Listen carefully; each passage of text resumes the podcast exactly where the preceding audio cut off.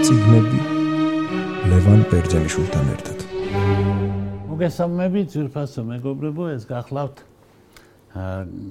რადიო თავისუფლების პოდკასტი ციგნები, რომელსაც აქვს რუბრიკები და ერთ-ერთი რუბრიკა გახლავთ ნორვეგიული ციგნის კლუბი.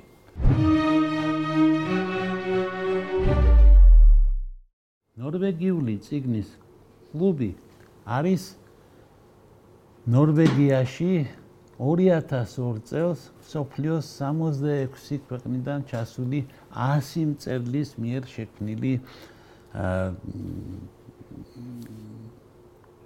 ყველა დროის საუკეთესო ციგნების ჩამონათვალი, სია, ნუსხა.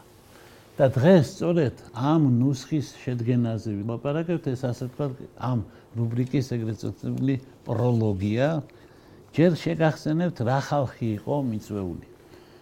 ზოგიერთის სახელმა შეიძლება ბევრი არაფერი გითხრათ, იმიტომ ყველა ყველას არის ცნობს, მაგრამ მე ისეთ სახელებს გეტყვით, რომელიც წარმოუდგენელია, ჩვენ არ ვიცოდეთ, ბევრმა ჩვენგანმა იცის კარგად და ბევრჯერ ხშირად აქაც ვილაპარაკე ამასთან დაკავშირებით.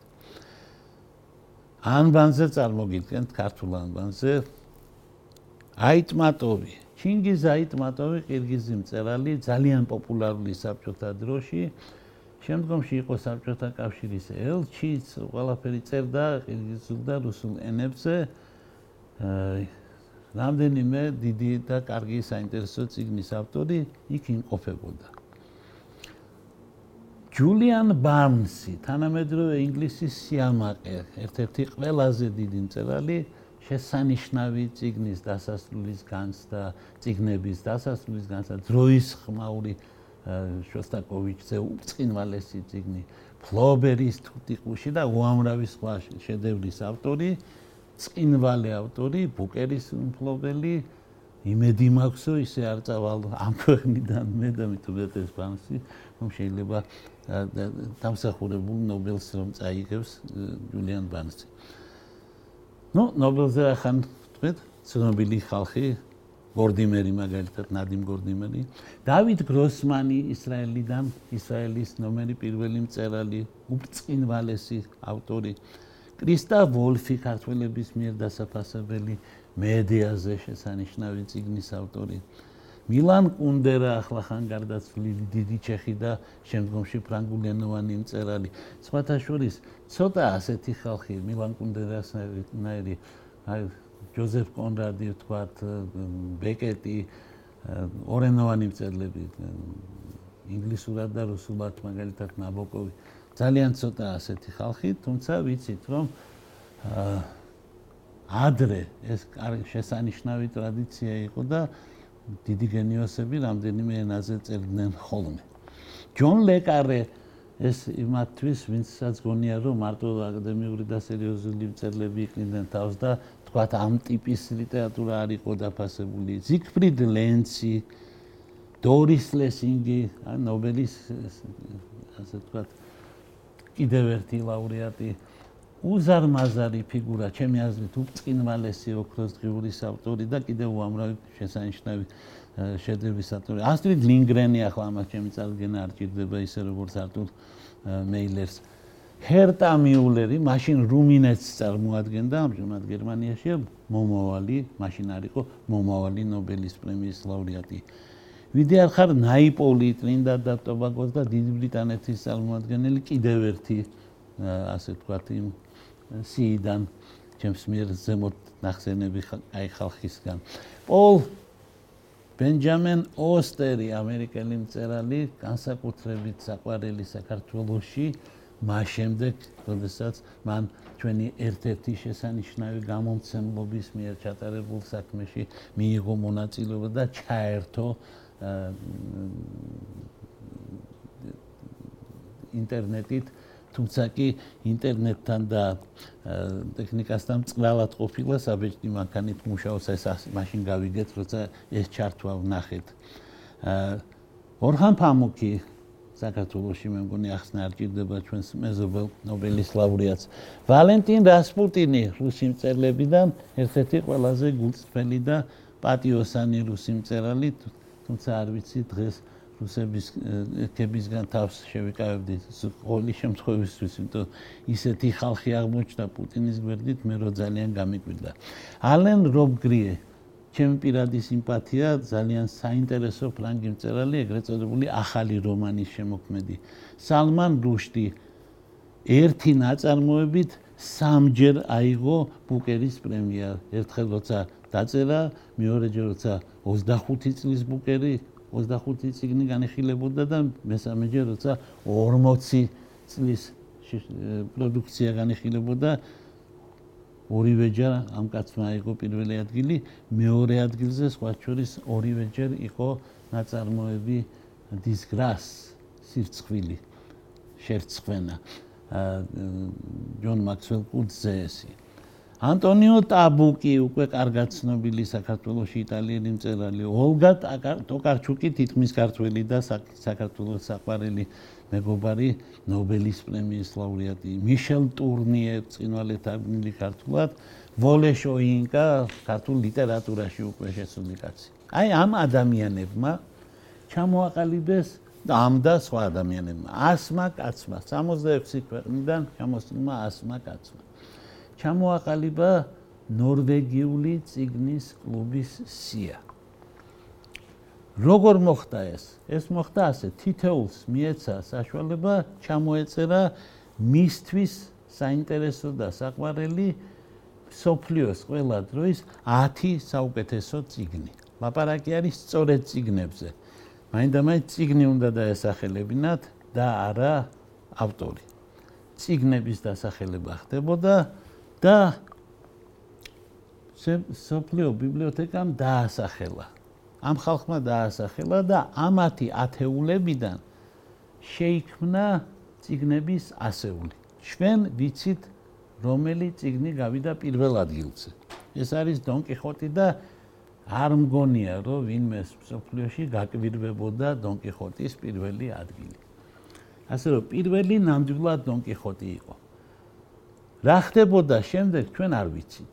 რომელი გავიდა მეორეზე რომელი მეხუთეზე და რომელი მეასეზე და იქნებ 101 და 102 საინტერესო ყოფილიყო იმიტომ რომ მაინდა-მაინც ჩემ წინ გათავდა პურის ამბები იქნებოდა და არსებობს მითები რომ 101 იყო ვეფხისტყაოსანი ეს მე მგონი ქართული მითია. არის სხვა ტიპის მითებიც მაგრამ ეს ჩვენ არ ვიცით. ცნობილი ეს გახდება ჩემი აზრით ზუსტად ისე როგორც ცნობილი ხდება ნობელის პრემიის საიდუმლო ამბები 50 წლის მერე. ანუ 2052 წელს თუ კიდევ იქნა ამის ინტერესი, ცნობილი გახდება ყველაფერი. თუ მანამდე ვიღაცამ და რაღაციდან არ გაჟონა რამე. მაგრამ აბა ჩვენ რა ვიცი? ჩვენ ვიცით სამაგიეროდ ამ ასეულში ვინ შევიდა და როგორ შევიდა. არის ერთი სტატისტიკა ასეთი. ამ ნაწარმოებებიდან 28 დაწერილია ინგლისურ ენაზე. 12 ფრანგულ ენაზე, 10 გერმანულზე, 9 რუსულზე, 41 ყველა სხვა ენებზე. რუსულის დათვლა ძნელი არ არის, იმიტომ რომ ერთი ავტორი შევიდა 4 წიგნით მეორე ავტორი შევიდა სამი წიგნით, ეს უკვე შვიდია და კიდე ორი ავტორი თითო თითო წიგნით. ოთხი წიგნით არ შესულა არავინ ამ რუსი ავტორის გარდა. ну, ბუნებრივად თამამად რუსი ავტორი რომ შევიდა 4 წიგნით, ძნელი მისახვედრი არ არის ვინ არის, ვისაც 4 ასეთი წიგნი აქვს დაწერილი. ну, თვითონ საერთოდ ტრადიცია მიიჩნევს, რომ ასეთი ციგნი მან ხუთი დაწერა. მაგრამ ერთ-ერთი მე ვფიქრობ სამართლიანად ჩამორჩა იმ 4-ს. ოდნავ ჩამორჩება მაწვილი ოდნავ ჩამორჩება დოსტოევსკის მაწვილი მის 4 დიდ შედევრს. ესენი არიან. დანაშაული და საჯელი, იდიოტი, შერ ეშმაკნი, კინა გამშერეკილებით. ეშმაკნი და რაც თავარია ძმები კარამაზოვი. 4 წიგნი წარდგა დოსტოევსკი. სამი ციგნით წადგა სამი ავტორი. უპირველეს ყოვლისა უილიამ შექსპირი. ჰამლეტი და მეფელირი ბუნებრივია ყველა შესანიშნავად ესმის რომ ეს იქნებოდა. აი მესამე შეიძლება ბევრი ყოფილიყო, მაგრამ ავტორებმა თქვეს რომ ოტელო. მე პირადად ყოველთვის მეგონა რომ ეს ასია. თუმცა ამაზე კამათი მომისმენია, მაგალითად მე მყავდა ექსპერტი ეთერში და სწორედ ჩვენს ეთერში გაისმა ეს სიტყვები რომ ეს ნაწარმოები მეტისმეტად სწორადაა დაწერილი და შეიძლება ეს იყოს მისი ნაკლი. მე ვფიქრობ, არა, ის მალავს თავის დიდ საიდუმლოს, კიდე კიდე დიდი ხნის მანძილზე იქნება ეს პოპულარული ნაწარმოები და მისი დადგმა იქნება, ყოველთვის იქნება ღირსეული საქმე. შექსპირის გარდა სამი ნაწარმოები წარმოდგა ლევ ტოლსტოი და ფრანც კაფკა. ლევ ტოლსტოის შემთხვევაში ორი, რა თქმა უნდა, ყველა ხვდება, ეს არის ომი და მშვიდობა და ანა კარენინა, ხოლო მესამე გახლავთ მისი განსაკუთრებით დასავლეთში პოპულარული მოთხრობა, რომელიც ციგნად გავიდა, ასე თქვა, ცალკე ციგნად გაიაზრეს, რომელსაც ეწოდება ივან ილიჩის სიკვდილი. უწყინვალესი ნაწარმოები იმაზე, თუ როგორ გვესმის ჩვენ, რომ სოკრატე ადამიანია, ადამიანი მოკვდავია, მაშას ადამიანს სოკრატე მოკვდავია და როგორ არნიშნავს ეს იმას, რომ ლევანი მოკვდავია. და როგორ უნდა გაიგო რომ შენ ხარ მაინდა-მაინც მოკვდავი, როდესაც სოკრატეზე არის ნათქვამი. ეს ძალიან საინტერესო ნაწარმოები, წინვალეთ დაწერილი არის.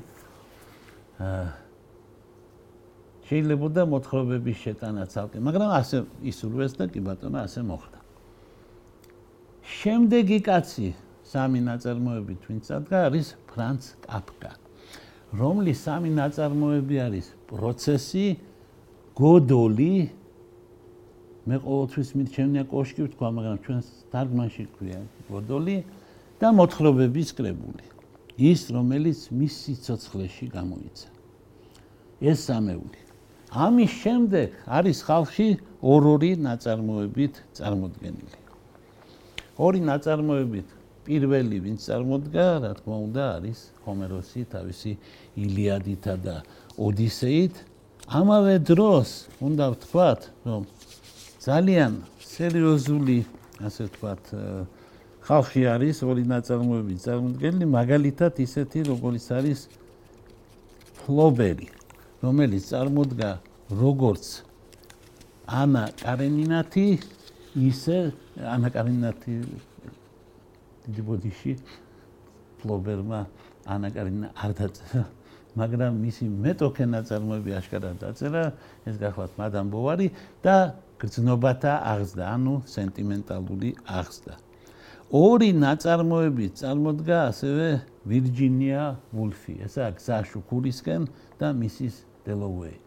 და მე მინდა აი შორიდან შეუთვალო ისტორიის სიღრმეში 2002 წელს შეუთვალო პატივისცემა სოფლიოს მწერლებს ვინც ეს მწერალი ასე დაინახა. ორი ორი თრო წარმოადგინა სხვა შორის მესამე შეეძლო დაემატებინათ ორლანდოს სახით. ჩემი ასით ტრილოგიით წარმოდგა სემუელ ბეკეტი. ოღონდ ეს ტრილოგია გააზრებულია როგორც ერთი ციგნი ანუ ერთი ერთეული არის და მის მიერ დაკავებული. ესა მელონი კვდება აა უკაცად ჯერ ჯერ წინ უნდა უძღოდეს ამას მოლოი, მერე მელონი კვდება და ბოლოს უსახელო. ბეკეტის 50-იან წლებში დაწერილი ტრილოგია 51 53 წლები ოღონდ კამათი რო არ ყოფილიყო იმაზე რომელი ენის ვერსიაა თქვენს ორივე. ფრანგულიც და ინგლისურიც. ვიცით რომ დაიწერა ფრანგულად მაგრამ მე ავტორიზებული თარგმანი არის ინგლისურად თუმცა ინგლისურ თარგმანში მას დამხმარე ყავდა. სემულბეკეს დამხმარე ყავდა. ერთი პატარა ციგნით წარდგა სოფლიოს უზარმაზარი წერალი ხორხე ლუის ბორხესი და ასე ვიძიეთ შური ნორვეგიაში მეზობელი შვედეთის გადაწყვეტაზე გადაწყვეტილებაზე არ მიეცათ ნობელის პრემია სოფლიოს აშკარად გამორჩეული წერლისთვის. იცით არავიზე ისე გულდასაწყვეტი არ არის ნობელის პრემიის ალბავი, იმიტომ რომ ყოველთვის არის გამართლება მაგალითად მარსელ პრუსტის დანახვა ძნელი იყო მალე გარდაიცვალა თან იმის მერე რაც წელობა დაიწყო. კაფკა ფაქტობრივად უცნობი იყო მართვის და შვედურ ენაზე არ იყო თარგმნილი და ასე შემდეგ. ყველაფერს აქვს გამართლება აი ბორხესზე ვერაფერი არაფერი არ აქვს თქმა იცით რას ამბობენ რომ მაგანო ხელი ჩამოართვაო იმასო რა ქვია. პინოჩეტს პინოჩეტს კი არა. სოფლიოს ბევრ პოლიტიკოს ჰიტლერისთვის და მუსოლინისთვის აქვს ხელი ჩამორთმეული და რა ამიტომ რა ნობელის პრემია არა აქვს არც ერთ დარწმუნებული არიან კარგად შეისწავლონ 50-იანი წლები. ასე რომ ეს უსამართლობა იყო და ახლა წერლებმა პატიოსნად გამოასწორეს. მანძილები არის საოცარი. აქ შეიძლება მოხდეს מחაფხარატა, რომელიც ახლა რო დაბეჭილი რო და ამ მაგიდაზე რო არ დაეტევა იმ ხელად ციგნი რო არის და აქვე შეიძლება იყოს შეშლილი ჩანაწერები, რომელიც 12 გვერდიანი პატარა მოთხრობა. ისიც და ისიც მოხდა ამ სიაში და ეს რა თქმა უნდა დიდი ბედნიერება. თუმცა ვინმე შეიძლება თქვას, რომ იქ ის ერთი მოთხრობა კი არ შევიდა, არამედ იმ მოთხრობათა კრებული, რომელსაც იმ მოთხრობამ მისცა სათაური. მე ასეთი განმარტებაც მომისმენია. ეს როცა ლუსინზე არის ლაპარაკი. ნახაბხარატა ვიასას ეს შედევრი უზარმაზარი ნიშნულობის ნაწარმოები აქ ასე შევიდა. ანტიკურობა წარმოდგენილია ასე. ჰომეროსის ილიადა და ოდისეა შემდეგ ოიდიპოს მეფე შემდეგ მედეა და შემდეგ ენეიდა. ძალიან საინტერესოა რომ ჩვენ ქართველები ამ ნაწარმო ამ სიაში ვერ მოხვდით მართალია? მაგრამ ვერ მოხვდით როგორც ავტორები. განსხვავებით ბევრი მეზობლისაგან. ჩვენ აქ მოხვდით როგორც პერსონაჟი და ჩვენ აქ მოხვდით როგორც გენიალური ევრიპიდეს გენიალური პიესის მედეას პერსონაჟი. ქართველების garaშე ეს საქმე არ ყოფილა. თან როგორი ქართველის და რა სიძლიერის პერსონაჟია ლაპარაკი, ახლა ამაზე არ შევჩერდები. ძალიან საინტერესოთ არის საქმე, როდესაც წარმოადგენს მაგალითად ისეთი კაცი, როგორიც არის ნიკოს კაზანძაკისი. არაჩვეულებრივი თავგადასავალი ალექსის ზორბასი. ნიკოს კაზანძაკისი, რომელსაც არეღირსა ნობელის პრემია 9 ჯერ იყო წარდგენი ნობელის პრემიაზე.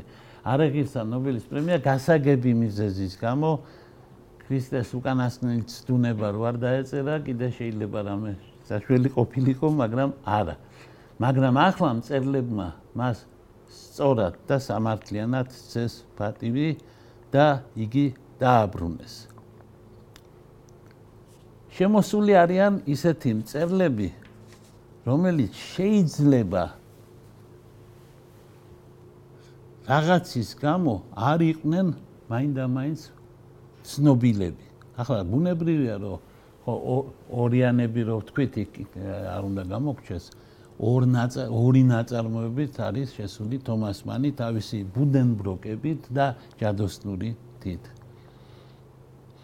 აქაც ვირჯინია ულფის არ იყოს, შეიძლებოდა იოსებზე და მის ძმებზე ფიქრიც, არ ვიცი, სად მოხდა რომელ რომელ ულში, მაგრამ დასახელებული რო იქნებოდა, ამაში ეჭვი არ მეპარება. ძალიან ბევრი ისეთი ადამიანია, რომელიც მე მაგალითად ამ სიიდან გავიგე. ანუ ხდება ხოლმე ასე, რომ არა ნობელის პრემია, არ არის ქართულად თარგმნილი, არსად არ არის ნახსენები ისე რაღაცა განსაკუთრებულად და გამომეპარებოდა ნამდვილად, გამომეპარებოდა, იმიტომ არა ვარ ახლა ენის ცოდნე რო არ ხარ, იქნა გამოგე. ფრანგები არ გამომეპარებოდა, მე ასე მგონია, მაგრამ იტალიელი თან ამოდენა ავტორი შეიძლება და გამოპაროდა მე მხედველობაში მყავს ელზა მორანტე თავისი 1974 წელს დაწერილი წიგნით რომელსაც ისტორია ქვია და რომელმა ჩემზე წარუშლელი შტაბეჭდილება მოახდინა. წარუშლელი შტაბეჭდილებას მოახდენს კიდევ იმიტომ რომ ჩვენი ხათუნა. ცხადაძე ჩაუჯდა და თარგმნის და ჩვენი პენკლუბის თავმჯდომარე როგორი თარგმნილია და როგორ თარგმნის ეს მე მგონი არავისი არანაირ ეჭვს არ იწვევს და ძალიან კარგია რომ სწორედ ელზა მორანტეს თარგმნის იმიტომ რომ ელზა მორანტე ალბერტო მორავიას მეუღლე მერე გაეყარა იმიტომ რომ დიდი სიყვარული შეეყარა და ნუ ეს არის ძალიან საინტერესო ავტორი. აი იმდენად ქართველი ავტორია, მიკვირს კიდევაც ამდეხანს რა ქონდა. ახლა გვექნება ძალიან ქართული, ძალიან კარგად გაკეთებული. რა თქმა უნდა, აქ არიან მოხვედრილი, ახლა დავიწყოთ ქვეყნების მიხედვით საუბარი. აქ მოხდნენ, რა თქმა უნდა, ფრანგები. დავიწყოთ ასე. თვითონ ფრანგებმა აა ფნაკის და ლომონდის მიერ ჩატარებული გამოკითხვის მიხედვით თქვენს რომ მე-20 საუკუნის ყველაზე დიდ ციკს ქვია უცხო. და რა თქმა უნდა კამიუს უცხო შევიდა ამ კრებულში. მე ფრანგებმა თქვენს რომ მე-20 საუკუნის მეორე ციგნი არის ეს უცხო ხო პატარა ციგნია მე თქვენს რომ დაკარგული დროის ძიებაში არის მეორე. სხვათა შორის უცხოელები არ დაივიწყეს და მესამე ადგილზე ჯეიმს ჯოისის ულისე გაიყვანეს და რა თქმა უნდა ყველა ეს ციგნი მოხვდა ამ შესანიშნავ კრებულში. ფრანგები კიდევ არიან წარმოდგენილი მაგალითად ისეთი რამეებით, როგორიც არის мама გორიო და პატივისცემა მწერლებს, რომ ამოდენა შემოქმედებიდან, ამდენი რომანიდან რომელიც დაწერა ბალზაკმა, მათ აირჩიეს საუკეთესო. არ შეცდნენ. კარგი გემოვნების ნიშანია, რომ სწორედ мама გორიო იყო დასახელებული. შემდეგ, ну, ფრანგულ ციგნებში ჩავთვალოთ თუ არა ბეკეტი, არ ვიცი ვინ როგორ ითვლის, მაგრამ ბეკეტის ციგნები ორიგინალი ფრანგულზეა დაწერილი ნამდვილად. ამის შემდეგ შემოვიდა აქ ფრანგებიდან იყო ასეთი ციგნი გარგანტია და პანტაგრუელი ფრანსუა რაბლესი წერლები რა თქმა უნდა ასეთ ციგნს ასეთ უნიკალურ ციგს ხელიდან არ გაუშვებდნენ. რა თქმა უნდა მარსელ პრუსტიო ამაზე თქვით დაკარგული დროის ძიებაში. ერთ ციგნად იქნა გააზრებული და სულიად სამართლიანად. ამის შემდეგ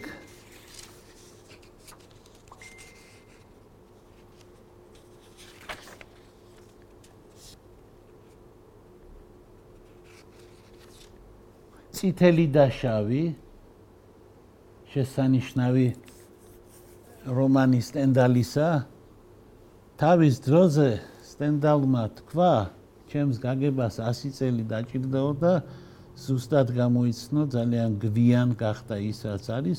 ორი ციგნი რომელიც ვახსენეთ მადამ ბოვარი და ზნობათა აღზდა გუსტავ ფლობერის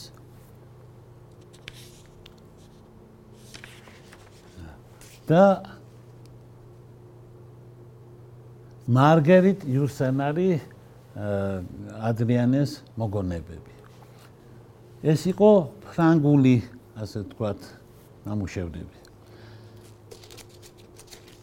შექსპირის გარდა ინგლისელები, ინგლისელები მშვენივრად არიან წარმოდგენილი, მაგალითად ჯორჯ ელიოტის მიდლმარჩი არის წარმოდგენილი, რომელსაც ხანდახან შუა მარტად თარგმნიან, მაგრამ ეს ადგილის სახელია და არ ღირს მაგის თარგმნა.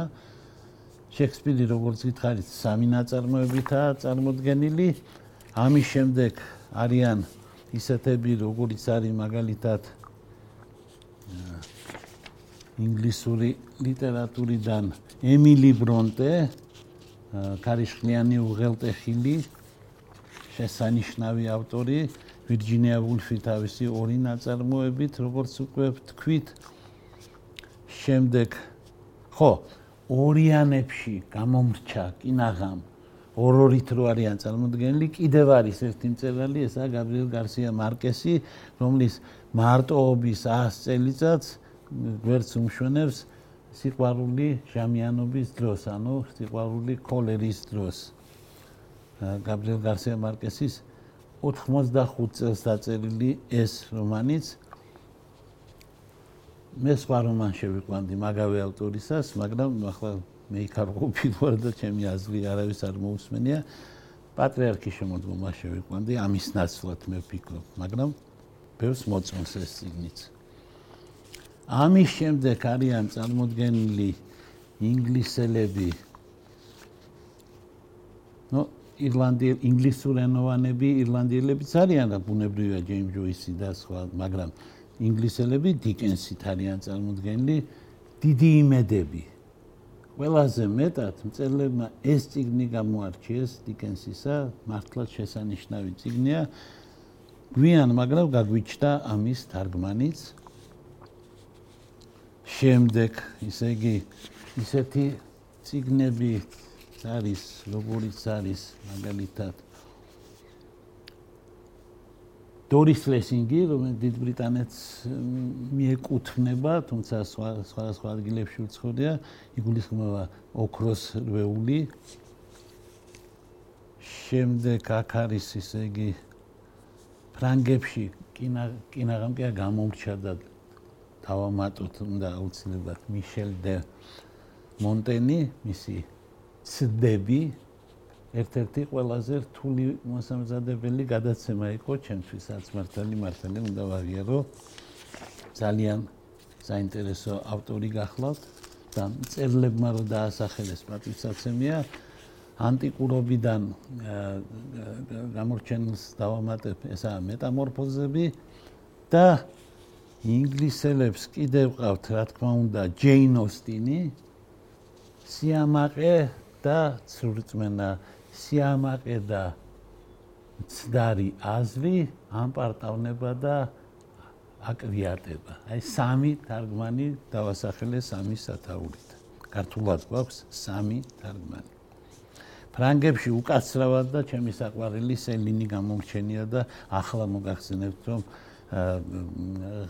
მოგზაურობა ღამის კიდეში ეს გენიალური ციგნი ეს ძიმე ციგნი ნამდვილად შეიყვანეს წელებმა. მიუხედავად სელინის საეჭვო პოლიტიკური მიდრეკილებებისა. ინგლისურ ლიტერატურაში ლორენს სტერნი ტრისტრამ შენდი სამბავი ამბავის ცხოვრება და მოსაზრებანი ტრისტრამ შენდისა ჯენტლმენისა. ერთ-ერთი ყველაზე საყვარელი ციგნი სოფლიო ლიტერატურაში. ინგლისი კიდევ ფიგურირებს კენტერბერიული მოთხრობები ჯეფრი ჩოსერი.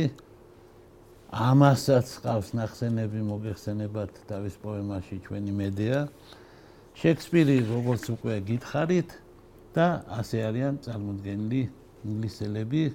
აქ არის რამდენიმე ძალიან კარგი ამერიკელი ავტორი რამდენიმე ესპანელი იტალიელები იწებიან დანტე ალიგიერით ბუნებრივია კაცმა რომ თქვას უნაკლო სიას ვერაფრით ვერ შექმნიდნენ მაგრამ იმდენი სია შეიქმნა მე-20 საუკუნის ბოლოს და იმდენი უცნაურობა მოხდა ხან ჯოან როულინგი იყო პირველ ადგილზე და შექსპირი ასეულში არ იყო ხან შექსპირი იყო პირველ ადგილზე და ვიღაცა დიკენსი არ იყო და აი საოცრებები ხდებოდა.